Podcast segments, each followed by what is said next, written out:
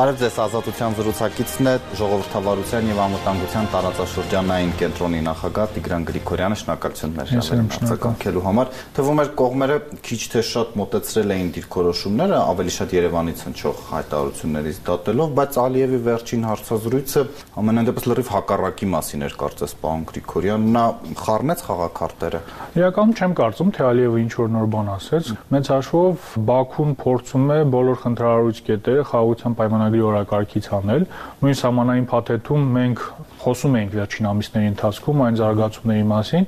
որոնց մասին Ալիևը արդեն ուղիղ տեքստով նշեց, այն որ քարտեզների վերաբերյալ չկա պայմանավորվածություն, այն որ սկզբունքների վերաբերյալ կարծես թե չկա համաձայնություն եւ որ այդ գործընթացը պետք է թողել հենց համազատման հանձնաժողովներին, որ เป զի դրանք քննարկվեն հետագայում, ապա շրջափակման գործընթացի վերաբերյալ Ալիևի հայտարարությունները եւս նորություն չէին, եթե հիշենք դեկտեմբերի 5-ի այդ համաժողովը, որ տեղի էր ունեցել Բաքվում, այնտեղ եւս մոտորապես նույն բովանդակությամբ հայտարարություններ էր արել, նշել էր, որ եթե Հայաստանը պատրաստ չի ընդունել մեր պայմանները կոմունիկացիայի բացման, ապա մենք կօգտագործենք Իրանի տարածքով կողքով ճանապարհը կամ կոմունիկացիան եւ ես դեռևս այն ժամանակ ասել եի որ մեծ հաշվով սա նշանակում է որ Բաքուն հայտարարում է որ կամ ընդունում եք մեր տարբերակը կամ էլ ոչ մի ապաշրջափակում տեղի չի ունենալու այդ մասին Ալիևը այս վերջի հարցազրույցի ընթացքում եւս ուղիղ տեքստով նշեց. Բոլոր մյուս թեմաներով մեծ հաշվով Ալդուբեջանի նախագահը խոսեց այն մասին, ինչի մասին խոսում էին Բաքվի ոչ պաշտոնական ներկայացուցիչները, մասնավորապես օրինակ նույն այդ երաշխիքների մեխանիզմի մասին, որ դա պետք է լինի երկկողմ ձևաչափով, արտաքին խաղացողների ներգրավվածություն պետք չլինի, այսինքն մեծ հաշվով որևէ նորություն չկար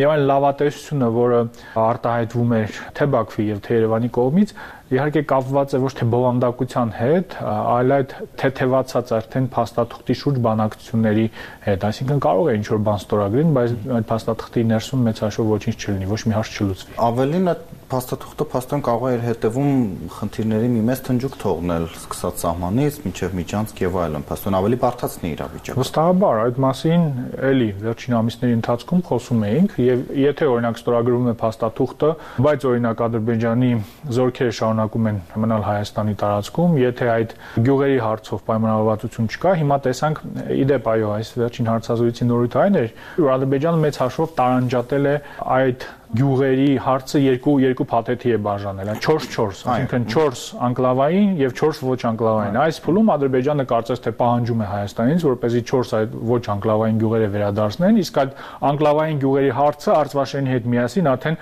քննարկեն հետագայում համազատման հանձնաժողովի շրջանակում։ Այսինքն կարելի ասել այս հարցում ավելի է կարծրացել Բաքվի դիրքորոշումը։ Շարունակելով ձեր հարցին պատասխանել, ապա շրջափակման թեմայով եւս, եթե Ադրբեջանը շարունակում է պնդել օրինակ ռուսական ներկայության վրա այդ ճանապարհին, երեք ուղիղ տեքստով Ադրբեջանը այդ մասին խոսեց եւ ես վերջին շրջանում չեմ հիշում, որ Ադրբեջանից նմանատիպ հայտարարություններ լինեն, այսինքն խոսում էին անխոչնդոտ անցման մասին, բայց հրաապարական հայտարարությունների մակարդակում կարծես թե ռուսական ներկայության մասին վերջերս խոսակցություն չէր գնում, բայց այս փուլում մեծ հաշվով Ադրբեջան պահանջում է եւ սամանային ու մաքսային ստուգման բացակայություն եւ ռուսական ինչ որ ծառայության ներկայություն այդ ճանապարհի վրա։ Եվ երրորդ ուղությունը հենց այդ երաշխիքների հարցը, այստեղ տեսնում ենք եւս, որ կարծում եմ այսօր եւս որոշակի հայտարարություններ եկան եղան էլի Բաքվի ոչ պաշտոնական այդ խոսա փողների կողմից, որ այս հարցը պետք է լուծել երկկողմ ձևաչափով, այսինքն մեծ հաշվով, որպեսզի որևէ երաշխիքներ չլինեն։ 70-ականների քարտեզի մասին էլ նա կարծես առաջին անգամ այսպես շատ կտրուկ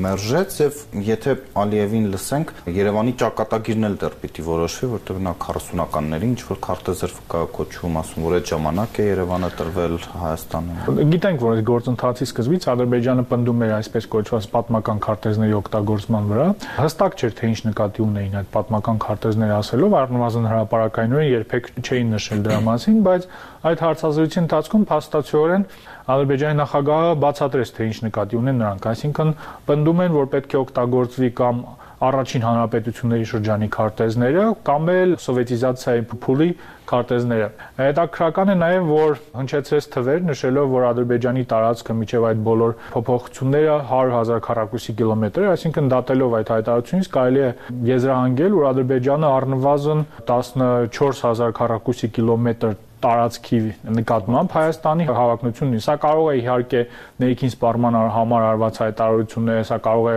պրակտիկ դաշտում ոչինչ չնշանակի, բայց գիտենք, որ Ադրբեջանի նախագահի հայտարարություններին պետք է բավականին լրջորեն մոտենալ, որովհետև շատ հաճախ այն ինչ նա հայտարարում է, որոշ ժամանակահատված հետո կյանքի է կոչվում։ Պարոն Գրիգորյան, դե այդ տրամաբանությամբ արդեն մի քանի օրից համանազատման հանձնաժողովի նիստն է, ինչ պիտի դնեն նրանք սեղանին։ Դե կարծում եմ հենց այդ հարցերն էլ կքննարկեն։ Օրինակ այդ 4 ոչ անկլավային գյուղերի հարցը, որը կարծես թե Ադրբեջանը այս փուլում բարձրացնում է որպես հայելային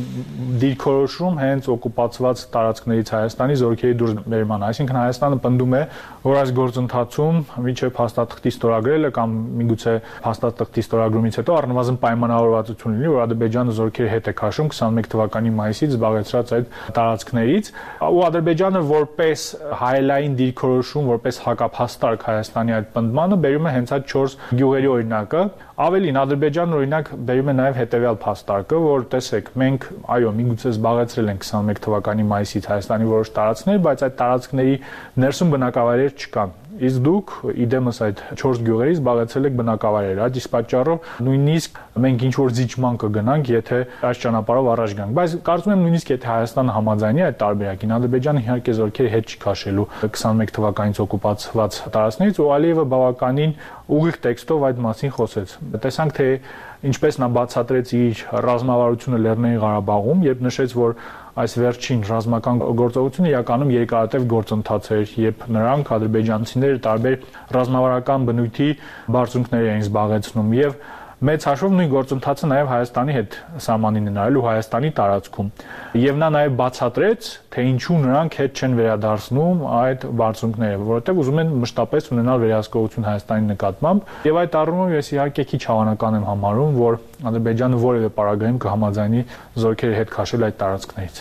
իսկ 8-ից 4-ը հանելով մյուս 4-ի ճակատագիրը նա փոխանակում նկատի ունի կարծում եք երբ նկարագրում էր անկլավային ռեժիմ հատուկ ճանապարհներով այո վստահաբար վստահաբար, որովհետև հենց այդ ճանապարհի վերաբերյալ մեկնաբանությունը, որ հատուկ ռեժիմ պետք է աշխատի բնակիչների համար, նշանակում է, որ այն տարբերակը, որ թողնում ենք իրավիճակը այնպես ինչպես կա, որովհետև մեծ հաշվով վերահսկող տարածքը մոտավորապես հավասար է, եթե համեմատում ենք, Ադրբեջանը, ինչպես եւ կանխատեսվում էր, գնում է այն ճանապարհով, որը թույլ կտա Հայաստանի նկատմամբ վերահսկողություն պահպանել, Հայաստանի համար հավելյալ խնդիրներ ստեղծել։ Այսինքն, եթե թեկուզ փոխանակում տեղի ունենա ու մենք ստանանք արծվաշենը ու նրանք ստանան ներասկողություն այդ գյուղերի նկատմամբ, parz է որ դժվարություններ են լինելու օրինակ նույն հայ բնակչության համար արծվաշենում բնակվելու համար, բայց Ադրբեջանը իր համար պայմաններ ապահովելու է եւ քանի դեռ այս ուժերի դիսբալանսը շարունակում է գոյություն ունենալ կողմերի միջև, նաեւ ուժային ճանապարհով որոշ հարցեր լուծելու, այդ թվում նաեւ այդ հատվածները։ Իմ հաջորդ հարցը հենց դրամասն էր, որ սա ընդհանրապես եթե նայում ես, կարող է պատերազմի ուղիղ սպառնալիք էլ ընկալվել, եթե ասում եմ իմ տարածքն է։ Այո, կարելի է նաև այդպես ընկալել եւ առնվազն պետք չէ բացառել նմանատիպ սցենարը, որովհետեւ մենք տեսնում ենք, որ լայն տարածաշրջանում բավականին բարդ գործընթացներ են տեղի ունենում, անկայունություն, ապագայում նաև քաղաքական տարբեր գործընթացներ են ակնկալում եւ Ադրբեջանը Կատունեք ընտրական process-ներ տապ։ Եվ Ադրբեջանը կարող է օգտագործել այդ առիթները առնվազն սահմանափակ մասշտաբների ինչ որ գործողություններ իրականացնելու համար Հայաստանի դեմ։ Դուք զրույցի մեկնարկին անդրադարձակ երաշխավոր ինստիտուտին, ինչու է Ադրբեջանը այդպես արդեն բացահայտ կտրուկ մերժում։ Եթե հաստատողը խախտվեց, պիտի չէ ինչ որ մեկը տեր կանգնի դրան։ Դերականում Ադրբեջանը ի սկզբանե դեմ է այդ մեխանիզմին, եթե հիշում եք, նախկինում 1 տարի առաջ օրինակ Հայաստանի իշխանությունները երբ խոսում էին խնդրահարույց կետերի մասին, մշտապես այդ երաշխիքների ինստիտուտը հենց այդ խնդրահարույց կետերից մեկն էր։ Այս փուլում տեսնում ենք, որ Ադրբեջանը հաջողությամբ դուրս է մղել արևմտյան դերակատարներին ամբողջությամբ այս գործընթացից բանակցությունները տարել է դեպի երկկողմ ձևաչափ եւ ցանկանում է որպեսզի նաեւ այս հարցում դուրս մղվեն բոլոր հնարավոր արտաքին դերակատարները։ Պատճառը པարզ է, որպեսզի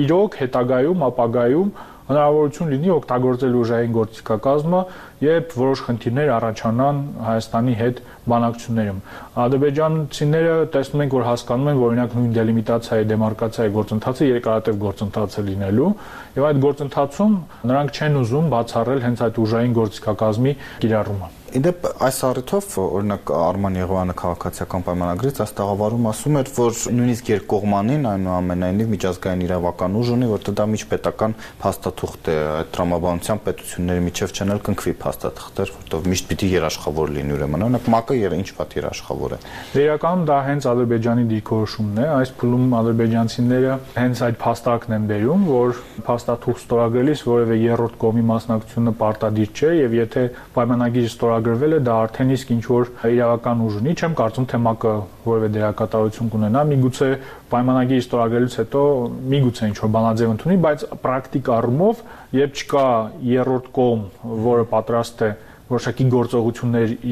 դիմել կամ օրինակ էսկալացիաների պարագայում կամ մասնակցել այդ հետաքննման մեխանիզմին, թե ով է սկսել նախաձեռնել էսկալացիան, երկկողմ ձևաչափով այդ ամենը շատ բարդ է լինելու, որովհետև པարզ է, որ կողմերը շարունակելու են տարբերվող տեսակետներ ունենալ տարբեր միջադեպերի վերաբերյալ, տարբեր հարցերի վերաբերյալ Պարոն Գրիգորյան, դուք Միջանցկի հարցում որևէ չարյաց փոքրագույն լուծում տեսնում եք, ինչպես Ալիևն էր ասում, ռուսներն ամենտեղ կանգնած են Զվարթնոց օթանավակայանից մինչև Իրանի հետ սահման, ինչ կլինի, որ դա էլ հսկեն։ Դե կարծես թե Հայաստանի իշխանությունների համար դա հստակ կարմիր գիծ է, հենց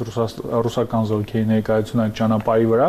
Իհարկե այն տարբերակով, որի մասին Ալիևը խոսեց, բանակցություններ ընթանում էին վերջին շրջանում, խոսքը ոչ թե ռուսների ներկայության մասին է, այլ այդ անխոչնդոտ անցման մասին, որ parzեցված ինչ որ ռեժիմով ստուգումներ իրականացվեն կամ չիրականացվեն ու դա լինի փոխադարձ, այսինքն Նախճեվանի տարածքով եւս հայկական բեռները չստուգվեն, բայց այնուամենայնիվ շատ հետաքրքիր է, ինչպես արդեն նշեցի, որ ռուսների թեման հերթական անգամ ասպարեզ է բերել եւ սա կարծես թե բարթացնելու է համաձայնության գալու հավանականությունը այս հարցում։ Ինչու ռուսներն էլ իրենց հետաքրությունն ունեն այդտեղ դրա համար։ Ռուսները իրենց հետաքրությունը ունեն, բացի այդ, ինչպես նշեցի, Հայաստանի իշխանությունների համար է սա խնդրահարույց կետ եւ կարծում եմ ցանկանալու են ունենալ հենց հայկական վերահսկողություն այդ ճանապարհի նկատմամբ, բայց ինչպես նախկինում տեսել ենք Հայաստանի իշխանությունների ցանկությունները իհարկե միշտ չեն համապատասխանում Հայաստանի կարողություններին եւ այս տարածաշրջանացման միտումի պայմաններում եւս կարող են ստիպել Հայաստանի որոշակի